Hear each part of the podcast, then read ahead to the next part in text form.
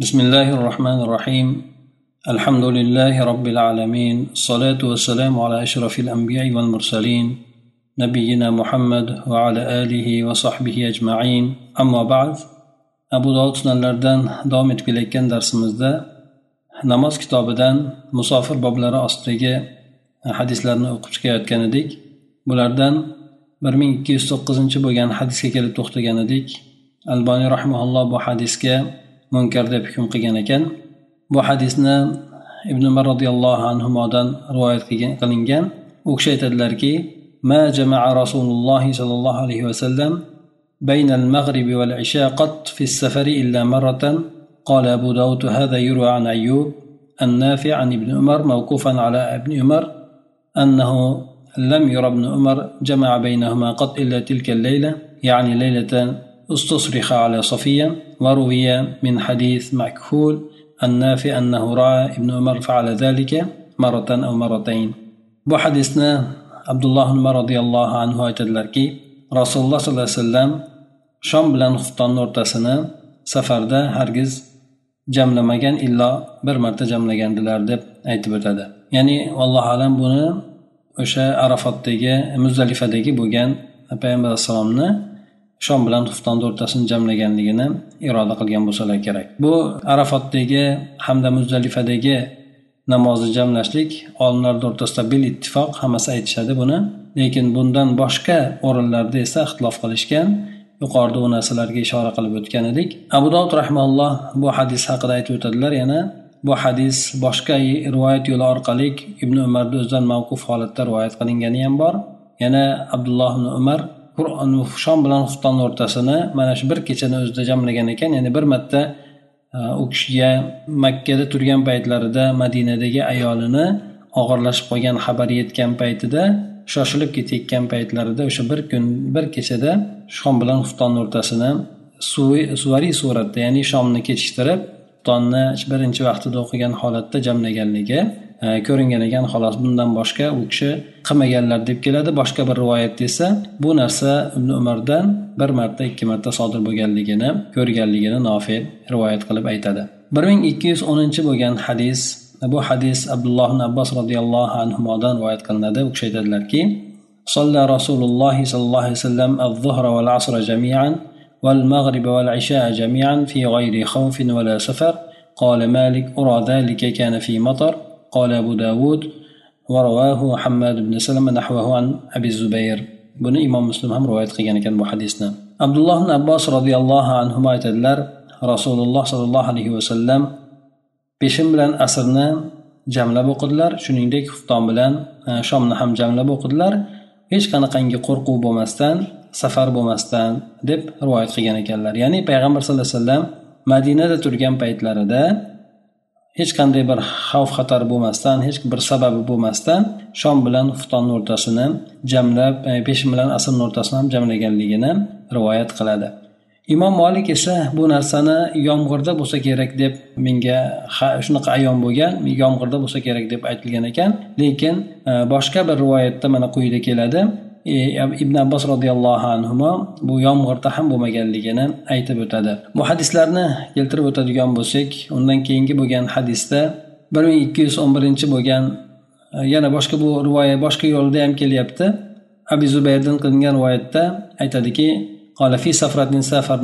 tabuk biz e, tabukka safar qilgan safarimizda shunday qilgandilar deb keladi. Bu yerdagisi shoz deb keltirib o'tgan ekan. Bu ziyodasini shoz deb aytib o'tgan ekan. bir ming ikki yuz o'n birinchi bo'lgan hadisda esa bu hadisni yana ibn abbos roziyallohu anhudan rivoyat qilinadi u kishi aytadilar جمع رسول الله صلى الله عليه وسلم بين الظهر والعصر والمغرب والعشاء بالمدينة من غير خوف ولا مطر فقيل لابن عباس ما أراد ذلك ما أراد إلى ذلك قال أراد أن لا يحرج أمته buni imom muslim ham rivoyat qilgan ekan bu hadislarida abdulloh ibn abbos roziyallohu anhu yuqoridagi bo'lgan hadisini e, boshqa yo'l orqali rivoyat qilib aytadilar. Rasululloh sollallohu alayhi vasallam peshin bilan asrni o'rtasini shom bilan futon o'rtasini madinada hech qanday bir xavf xatar bo'lmasdan yomg'ir bo'lmasdan jamladilar deb aytib o'tadi. Shunda abdulloh ibn abbosdan so'ralgan ekanki bu narsaga nima uchun payg'ambar alayhisalom bunday qilgan edilar nima uchun bu narsani iroda qilgandilar deganda payg'ambar sallallohu alayhi vasallam ummatini bir qiyinchilik holatiga qo'ymaslikni bir siqintili holatga qo'ymaslikni iroda qilgan edilar deb javob qilgan ekan. Bu hadisni aytilishlik qissasida keladiki abdulloh ibn abbos roziyallohu anhu vallohu alam basraga amir bo'lganlar shunda u kishi asr namozidan keyin gapni odamlarga xutba qilib uzoq gapirganlar shom bo'lgan shom vaqti e, kechikib ham qolgan. E, shunda odamlarda eshitib o'tiruvchilardan bittasi abdulloh ibn abbosga qarab turib shunaqa shom namozi shom namozi deb aytgan paytida abdulloh ibn abbos roziyallohu anhu aytgan ekanlarki sen menga namoz vaqtida aytmoqchimisan? Ya'ni menga shu narsani o'rgatmoqchimisan? Men payg'ambar sallallohu alayhi vasallamni shu madinada turgan paytlarida hech qanaqangi bir xavf xatarsiz yomg'irsiz boshqasiz namozni ikki namozni o'rtasini yuqorida aytib o'tgan hadisni keltirib aytgan ekan. Jamlaganligini o'zim degan mazmunda u kishi aytib o'tgan ekanlar. Ana o'shandan abdulloh ibn abbos shom namozini oxirgi vaqtiga olib borib turib o'sha yerda shom namozini o'qiydilar undan keyin esa xufton namozini o'qiydilar. Bu yerda abdulloh ibn e, abbos roziyallohu anhuni qilgan ishlari jam suvariy deb e'tibor qilinadi. Shom namozini tahir qilib oxirgi vaqtga boriladida xufton namozini avvalda o'qiladi. Lekin mana bu hadisni olimlar olishmagan ekan. Amalga olishmagan. Buni e, sababi shaharda turgan holatda hech qanaqangi bir sabab bo'lmasdan ya'ni qo'rquv bo'lmasdan yomg'ir bo'lmasdan e, shunday bo'lgan holatida inson jamlashlikka o'rganib qolishligi bu narsa namozni bir beparvo bo'lishlikka olib boradi. Undan tashqari namozni tayin qilinganligi vaqtlarni aniq aniq belgilanganligi bu narsa ma'lum bo'lgan narsa. Shuning uchun bu narsani bu hadis bilan amal qilishlikni olimlar olmagan ekan. Lekin e, abdulloh ibn abbos roziyallohu anhu mana gaplarni o'zi maqsadlarida keltirib o'tadilar. Ya'ni payg'ambar sallallohu alayhi vasallam ummatini qiyinchilikka qo'ymaslikni xohlagandilar deb keltirib o'tadi.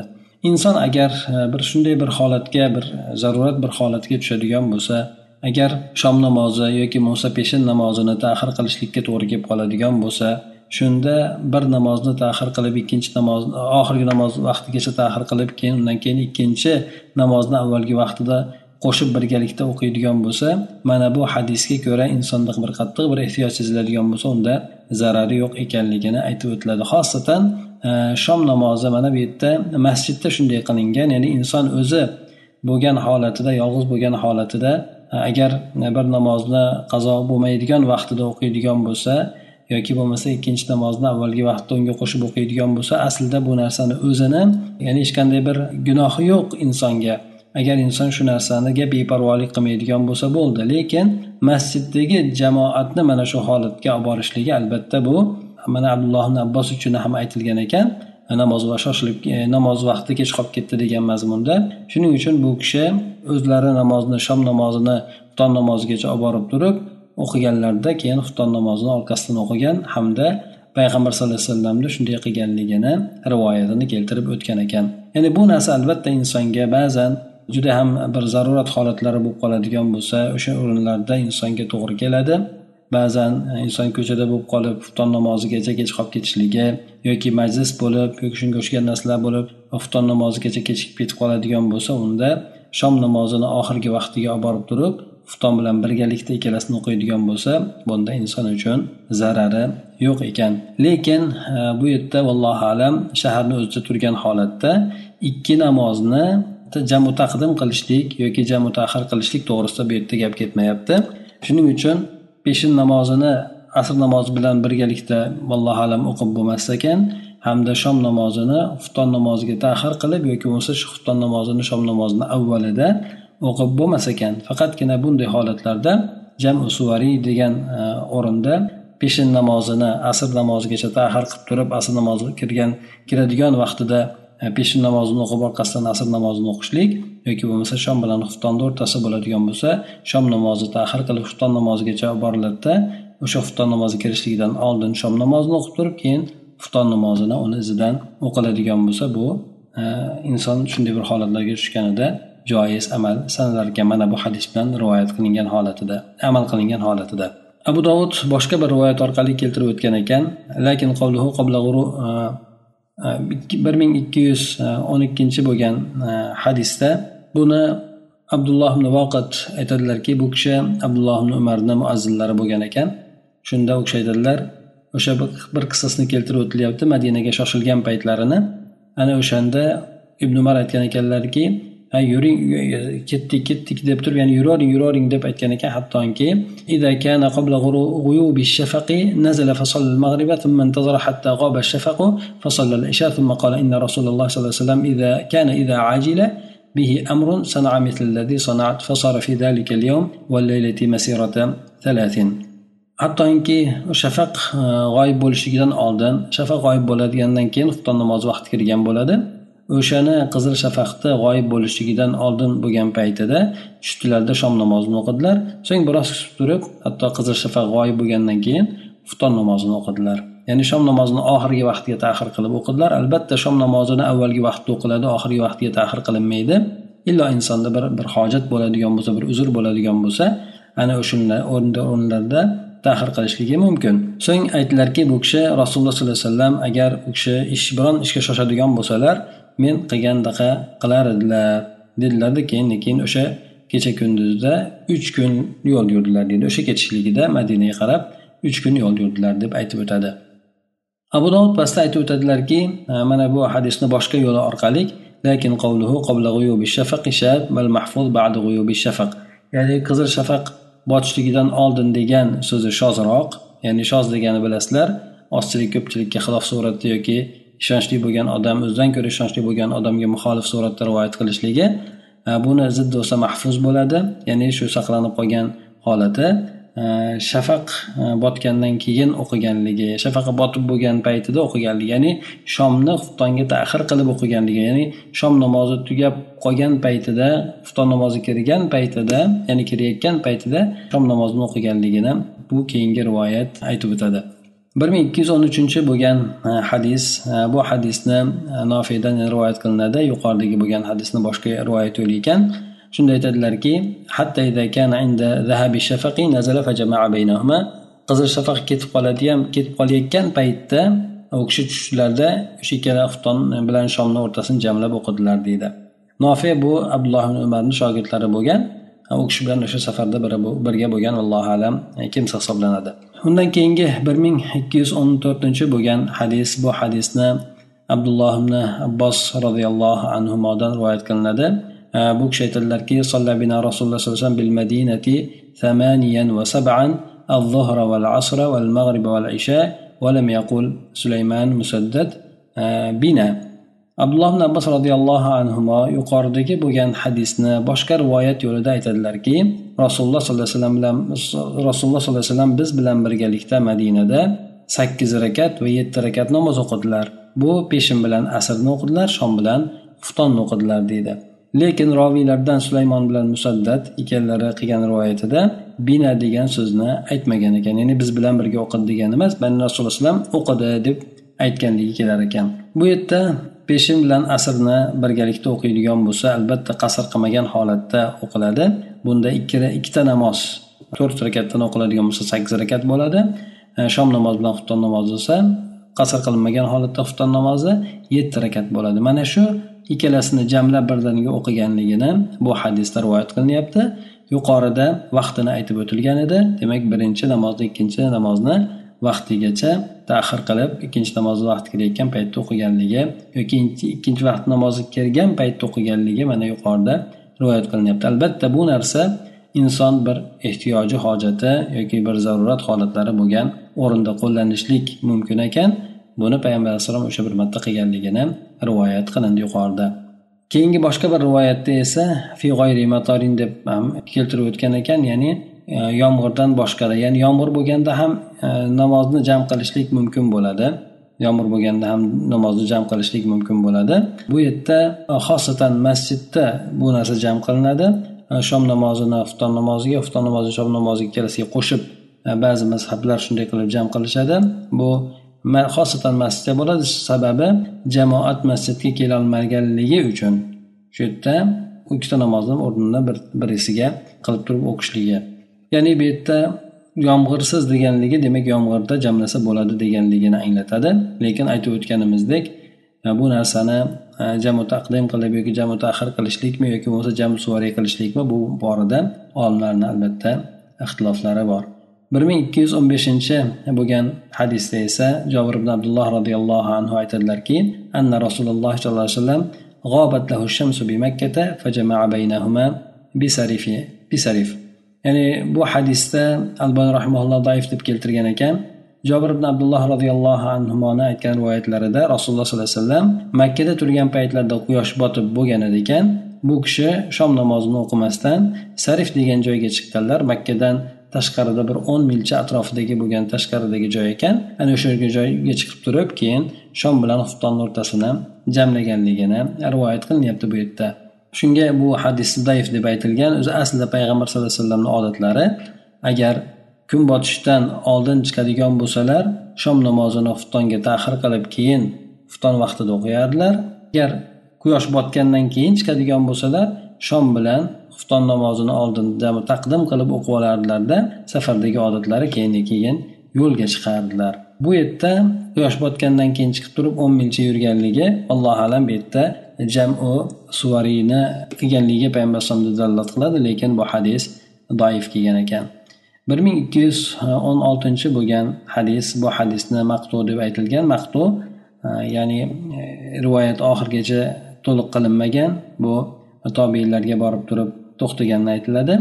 Shunda bu makka bilan sarif degan joyni o'rtasidagi masofa to'g'risida ba'zilari o'n mil degan ekan ba'zilari undan ko'ra ozroq mana yetti mil to'qqiz mil o'n ikki mil yoki bo'lmasa o'sha atrofdagi millarni aytib o'tishgan ekan bir ming ikki yuz o'n yettinchi bo'lgan hadisda esa bu hadisni abdulloh ibn dinordan keladiki u kishi aytadilar غابت الشمس وأنا عند عبد الله بن عمر فسرنا فلما رأيناه قد أمسى قلنا الصلاة فسار حتى غاب الشفق وتسوبت النجوم آه ثم إنه نزل فصلى الصلاتين جميعا ثم قال رأيت رسول الله صلى الله عليه وسلم إذا جد به الأمر جد به السير صلى صلاتي هذا يقول يجمع بينهما بعد ليل bu hadisda abdulloh ibn dinor aytadilarki quyosh botib bo'ldi men abdulloh ibn umarni oldilarida edim u kishi biz bilan yurib ketdilar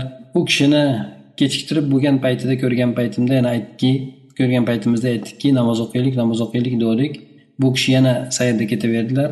Hattoki e, shafaq g'oyib bo'ldi. Ya'ni xufton namozi vaqti kirdi qizil shafaq g'oyib bo'lishligida xufton namozi kirgan bo'ladi. E, va tasovabatin nujum va yulduzlar ham chaqnab qoldi. Bemalol yorqin bo'lib qoldi. So'ng u kishi tushdilarda keyin keyin ikkala namozni jam qilgan holatda o'qidilar. Shomni xuftonga qo'shib o'qidilar. Ya'ni shom namozini bu bu rivoyatda shom namozi qazo bo'ldi. Ya'ni xufton namozi vaqti kirdi. Ikkalasini jamlab o'qiyapti jami suvarda bu bir namozni oxirgi vaqtiga borib turib ikkinchi namoz vaqti kirmasdan turib o'qiladi. Ikkinchi namoz vaqti kirgan payt avvalgi paytda keyin ikkinchi namoz vaqtini o'qiydi. Lekin bu kishini rivoyatida birinchi namoz vaqti chiqib ikkinchi namoz vaqti kirgan paytda o'qiganligi rivoyat qilinyapti. Mana buni ham o'zi jam usvariy deb shuning uchun payg'ambar alayhisalomni mana shunday o'qigan holatida ko'rganman deb aytib o'tyaptilar bu kishi.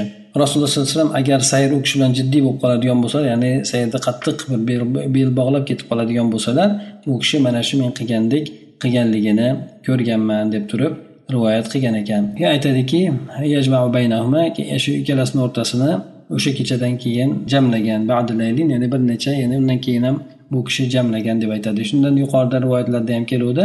Ya'ni bir ikki marta jamlaganligi rivoyat qilinganligi aytilgan edi. Undan keyingi bo'lgan rivoyatda ham mana shu hadisni boshqa yo'ldan kelgan rivoyatida ham aytadiki ismoil ibn abdurahmon nuzoibdan kelingan rivoyatda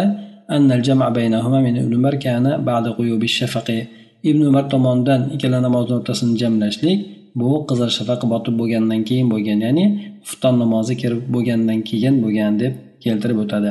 Bir ming ikki yuz o'n sakkizinchi bo'lgan hadisda esa bu hadisni anas ibn molik roziyallohu anhudan rivoyat qilinar ekan. U kishi aytadilar كان رسول الله صلى الله عليه وسلم إذا ارتحل قبل أن تزيغ الشمس أخر الظهر إلى وقت العصر ثم نزل فجمع بينهما فإن زاغت الشمس قبل أن يرتحل صلى الظهر ثم ركب صلى الله عليه وسلم قال أبو داود كان مفضل قاضي مصر وكان mujabat da'vati va huva ibnu fudola buni imom buxoriy va imom muslim ham rivoyat qilgan ekan. Anas ibn molik roziyallohu anhu aytadilar rasululloh sollallohu alayhi vasallam agar quyosh e, kindigidan ya'ni kunduz kunda e, kindigidan og'ishligidan oldin safar qiladigan bo'lsalar peshinni asr vaqtiga kechiktirardilar so'ng tushib turib ikkalasini o'rtasini jamlardilar ya'ni asr vaqtida jamlardilar. Agar quyosh botgandan keyin ya'ni E, safar qilishligidan oldin yo'lga chiqishligidan oldin quyosh botib qolgan e, quyosh kindigidan og'ib qolgan bo'lsa peshin vaqti kirib bo'lgan bo'lsa bunda peshin vaqtini o'qiyadilar so'ng uloviga minib ketadilar deb aytib o'tadi. Ya'ni bu yerda agar inson bir joyga turib muqim o'rnashib qoladigan bo'lsa albatta o'zini joyi bo'lsin yoki muqim turib qolgan joyi bo'lsin u joyda hali o'rnidan jilmasdan turib ikki namozni o'rtasini jamlab bo'lmasligi aytilyapti bu yerda. Agar masalan inson o'zi muqim turgan joyida bo'lsin yoki bir joyga borib muqim turib qolgan bo'lsin ana o'sha paytda bir namoz vaqti kirib qoladigan bo'lsa unda o'sha namozni o'zini o'qiydida keyin yo'lga otlanib chiqadi yo'lni shahar tashqarisiga chiqib bo'lgandan keyin keyingi namoz vaqti kirgan paytida u keyingi namozni vaqtini o'qiydi namozni o'zini vaqtida o'qiydi. Agar endi o'sha bir namoz vaqti kirishligidan oldin safarga chiqib ketadigan bo'lsa unda chiqib ketaveradida ikki namozni o'rtasini keyin jamlab turib e, yo birinchi namoz vaqti yoki ko'proq ikkinchi namoz vaqtida o'qiganligini rivoyat qilinadi. Demak inson o'zi bir muqim turgan joyida hali namoz vaqti kirib bo'lgan bo'lsa bu inson uchun o'sha namozni shaharida o'qib keyin safarga otlanishligi. Mana shu narsani bu hadisdan tushunamiz. Endi inson o'sha namoz vaqti kirgan bo'lsa lekin tashqariga safar qilib chiqib ketaveradigan bo'lsa o'sha bir yurgandan shahar tashqarisiga chiqib bo'lgandan keyin ikkita namozni o'rtasini jamlaydigan bo'lsa bu ham joiz. Lekin payg'ambar sallallohu alayhi vasallamni qilgan sunnatlari odatlari bu o'sha bir namoz vaqti kirib bo'ladigan bo'lsa o'sha namoz vaqtini o'qib turib keyin undan keyin e, yo'lga otlanishligi yo'lda esa ikkinchi namozni o'zini vaqtida o'qishligi keladi. Agar inson safarda bo'lib hali bir joyga muqimlikni niyat qilmagan bo'lsa unda e, holat kengroq bo'ladi.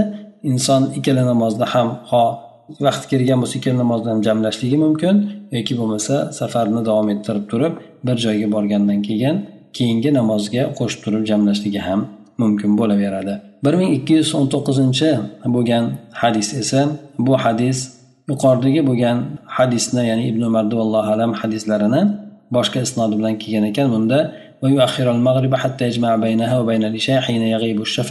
ya'ni yuqoridagi bo'lgan e, bizni hadisimizni boshqa yo'l orqali kelayotgan rivoyati ekan.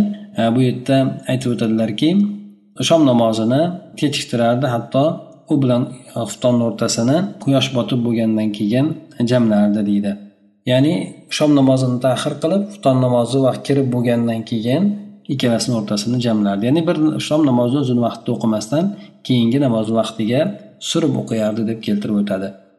bir ming ikki yuz yigirmanchi bo'lgan hadis bu hadisda muoz ibn jabal roziyallohu anhudan rivoyat qilingan ekan bu kishi aytadilarki أن النبي صلى الله عليه وسلم كان في غزوة تبوك إذا ارتحل قبل أن تزيغ الشمس أخر الظهر حتى يجمعها إلى العصر فيصليهما جميعا وإذا ارتحل بعد زيغ الشمس صلى الظهر والعصر جميعا ثم صار وكان إذا ارتحل قبل المغرب أخر المغرب حتى يصليها مع الإشاء وإذا ارتحل بعد المغرب عجل الإشاء فصلاها مع المغرب قال أبو داود ولم يروي هذا الحديث إلا قتيبة وحدها وحده muoz ibn jabal roziyallohu anhu rivoyat qilgan bu hadisda aytadilarki payg'ambar sollallohu alayhi vasallam tabiiy g'azotida bo'lgandilar bu kishi quyosh botishligidan oldin safar qiladigan quyosh kindigidan og'ishligidan oldin safar qiladigan bo'lsalar quyosh tikka yetgandan keyin e, botish tomoniga og'ishligidan oldin safar qiladigan bo'lsalar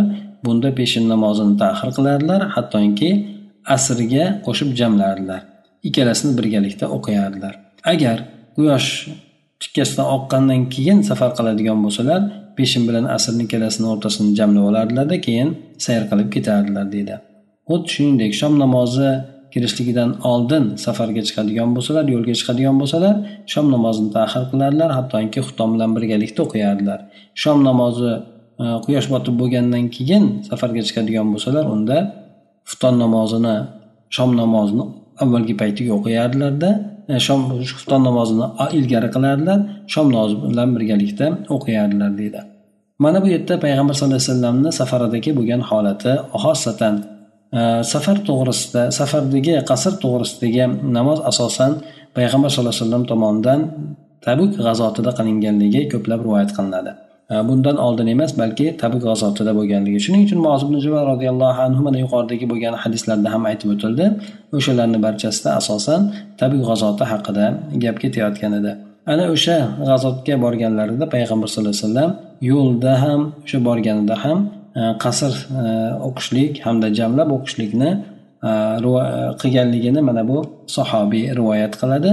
Ana o'sha mana shu hadislarga asoslangan holatda olimlarni safar qilgan paytida ikki namozni jamlab o'qishligi ruxsat ekanligini olishgan. Mana bu hadisda payg'ambar sallallohu alayhi vasallam yuqorida aytib o'tganimizdek safardagi odatlarini rivoyat qilinyapti. Agar u kishi quyosh kindigidan oqishligidan osmon kindigidan oqishligidan og'ishligidan oldin e, safarga chiqadigan bo'lsalar unda peshinni ta'xir qilib bir yo'li asrga qo'shib o'qiyadilar ya'ni yo'lda inson to'xtab namozga harakat qilib u namozni o'qib yana keyin e, boshqa bo'lishligida inson vaqtni ko'p yutkazadi. Ana o'sha narsani e'tiborga olib yana o'ziga yarasha mashaqqatli bo'ladi.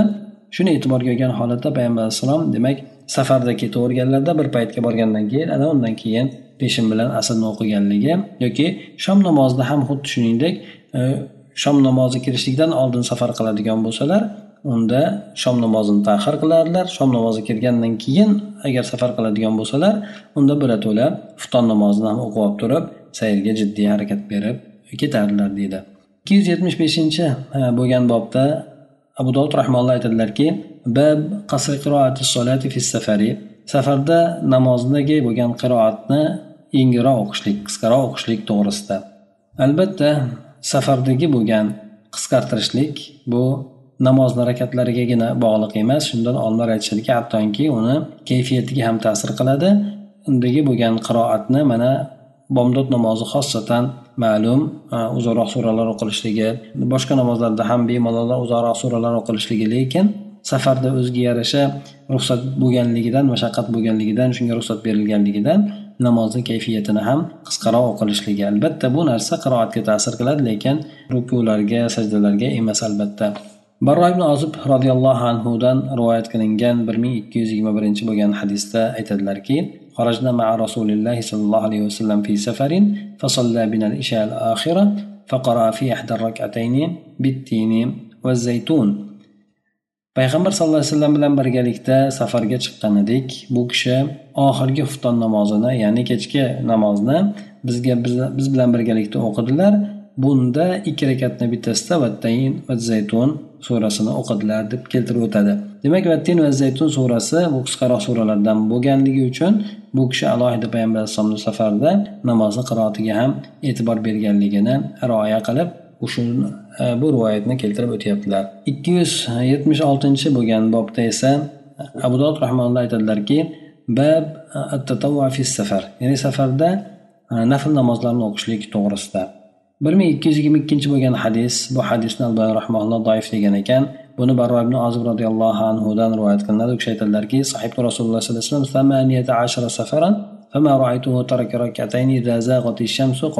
alayhi men rasululloh sollallohu alayhi vasallam bilan birgalikda o'n sakkizta safarda hamroh bo'lgan edim. Men u kishini peshindan oldin quyosh tikidan og'igan paytida ikki rakatni tark qilganligini ko'rmaganman deb keltirib o'tadi. Ya'ni peshinni hattoki safarda ham ikki rakatini o'qiganligini rivoyat qilinadi lekin bu rivoyat zoif ekan shuning uchun bunga e, asoslanmaydi bir ming ikki yuz yigirma uchinchi bo'lgan e, hadisda esa bu hadisni abdulloh ibn umardan rivoyat qilinadi bu kishini nabiralari aytib o'tadiki nevaralaridan aytib o'tadi qola صحبت ابن عمر في طريق قال فصلى بنا ركعتين ثم قال فرأى ناسا قياما فقال ما يصنع هؤلاء قلت يسبحون قال لو كنت مسبحا أتممت صلاتي يا ابن أخي إني صحبت رسول الله صلى الله عليه وسلم في السفر فلم يزد على ركعتين حتى قبضه الله عز وجل وصحبت أبا بكر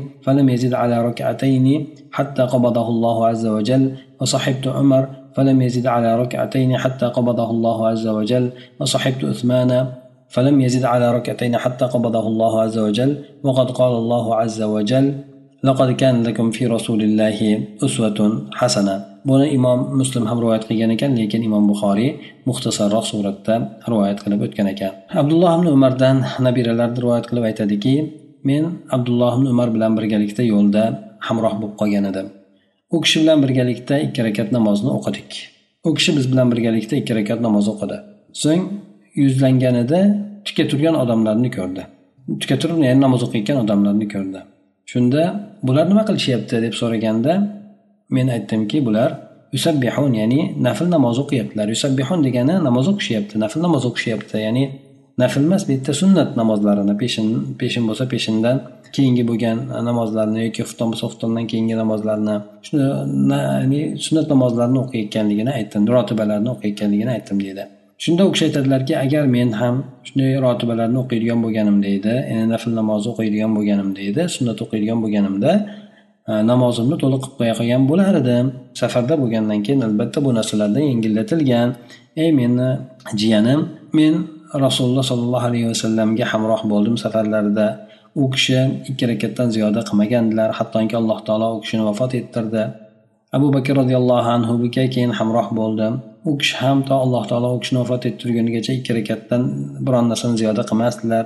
Umar bilan e, hamroh bo'lib yurdim. E, u kishi ham ikki rakatdan e, ziyoda qilmasdilar. Hattoki alloh taolo vafot ettirgunlaricha keyin usmon roziyallohu anhuga ham hamroh bo'ldim. U kishi ham alloh taolo vafot ettirgunigacha ikki rakatdan ziyoda qilmasdilar. Darhaqiqat mana alloh taolo aytganku sizlar uchun rasululloh sollallohu alayhi vasallamda chiroyli namuna bor deb. Deb ya'ni payg'ambar alayhissalomga ergashishlik mana shu narsa to'g'ri ekanligini bu aytgan e, hadislarda aytib o'tadilar. Shundan olimlar e, biroz ixtilofi bor. Inson safarga chiqqan paytda sunnat namozlarini o'qiydimi yoki o'qimaydimi? Ba'zi olimlar mana ibn umarni so'zlarini olgan holatda inson sunnat rotiba namozlarini o'qimaydi illo faqatgina bomdod namozini o'qiydi. Chunki bomdod namoziga ta'kidli payg'ambar alayhissalomdan uni o'qiganligi rivoyat qilinadi. Hamda vitr namozini o'qiganligi payg'ambar alayhisalomdan rivoyat qilinadi. Vitr namozi borasida esa olimlarni ixtilofi bor. Ba'zi olimlar uni vojib deb aytadi. Mana hanafiy mazhabi olimlarini kabi yoki bo'lmasa jumhur bo'lgan olimlar buni sunnati muakkada deb aytishadi. Lekin ikkala toifa olimlari ham albatta inson vitr namoziga beparvo bo'lmaslik kerak e'tiborsiz qoldirmaslik kerak. Chunki bu narsani payg'ambar alayhissalom ta'kidlagan holatda aytgan gaplari ham bor hamda u kishi o'zlari ham buni tark etmasdan o'qiganliklari rivoyat qilinadi. Lekin rotiba namozlari borasida bo'lsa bomdod namozini sunnatidan boshqa e, muakkada emas payg'ambar alayhisalom safarlarda bu narsani tark qilganlar deydi. Lekin mana hanafiy mazhabi olimlari aytadilar rotiba namozlarini ham o'qishlik sunnat bo'laveradi. Inson farz namozlardan tashqari sunnat namozlarini ham o'qishligi yaxshiroq bo'ladi deb aytishadi. Lekin ba'zi boshqa bir rivoyatlarda keladi sahobalar safarga chiqqanligi kimdir namoz o'qiganligi o'sha rotibalarni o'qiganligi kimdir o'qimaganligi o'qiganlar o'qimaganlarni o'qimaganlar o'qiganlarni malomat qilmaganligi to'g'risida ham ba'zi rivoyatlar keladi. Shunga binoan inson o'zi aslida mana ibn umar roziyallohu anhu mana bu hadislari sahiy rivoyat kelyapti. Payg'ambar alayhissalom abu bakr umar usmon roziyallohu anhularga bu kishi safarda hamroh bo'lganligi hamda ular ikki rakatdan ziyoda qilmaganligini aytib o'tiladi. Mana shu narsa ma'qulroq chunki inson agar bir narsa namozni o'qishlikka odatlangan bo'lsayu safar sababli o'qimaydigan bo'lsa bu narsa insonga o'qigandek e, ajrni olayotganligi ham keladi. Undan tashqari payg'ambar sallallohu alayhi vasallamdan sunnat namozlarini bomdoddan boshqa sunnat namozlarini o'qimaganligi ya'ni o'qiganligi rivoyat qilinmagan o'qimaganligi demak bu narsa o'qimaslik yaxshiroq ekanligiga dalolat qiladi. Lekin o'qigan aytib o'tganimizdek o'qiganlar o'qimaganlarni o'qimaganlar o'qiganlarni ma'lumot e, qilmasligi yaxshiroq bo'ladi. Chunki bir toifa olimlar bu bu mazhabni olgan bo'lsa yana bir toifa olimlar narigi boshqa bir qovunni olganlardir. Ya'ni bu narsada e, ixtilof bo'lishligini e, ko'p ham bir manfaati yo'qdir endi o'quvchilar orasida. Safar bobidagi bo'lgan hadislar o'sha safar namozi to'g'risidagi bo'lgan hadislar davom etadi. inshaalloh kelgusi darsimizdan yana buni davomini ko'rib chiqamiz سبحانك اللهم وبحمدك نشهد أن لا إله إلا أنت نستغفرك ونتوب إليك اللهم انفعنا بما علمتنا وعلمنا ما ينفعنا وزدنا علما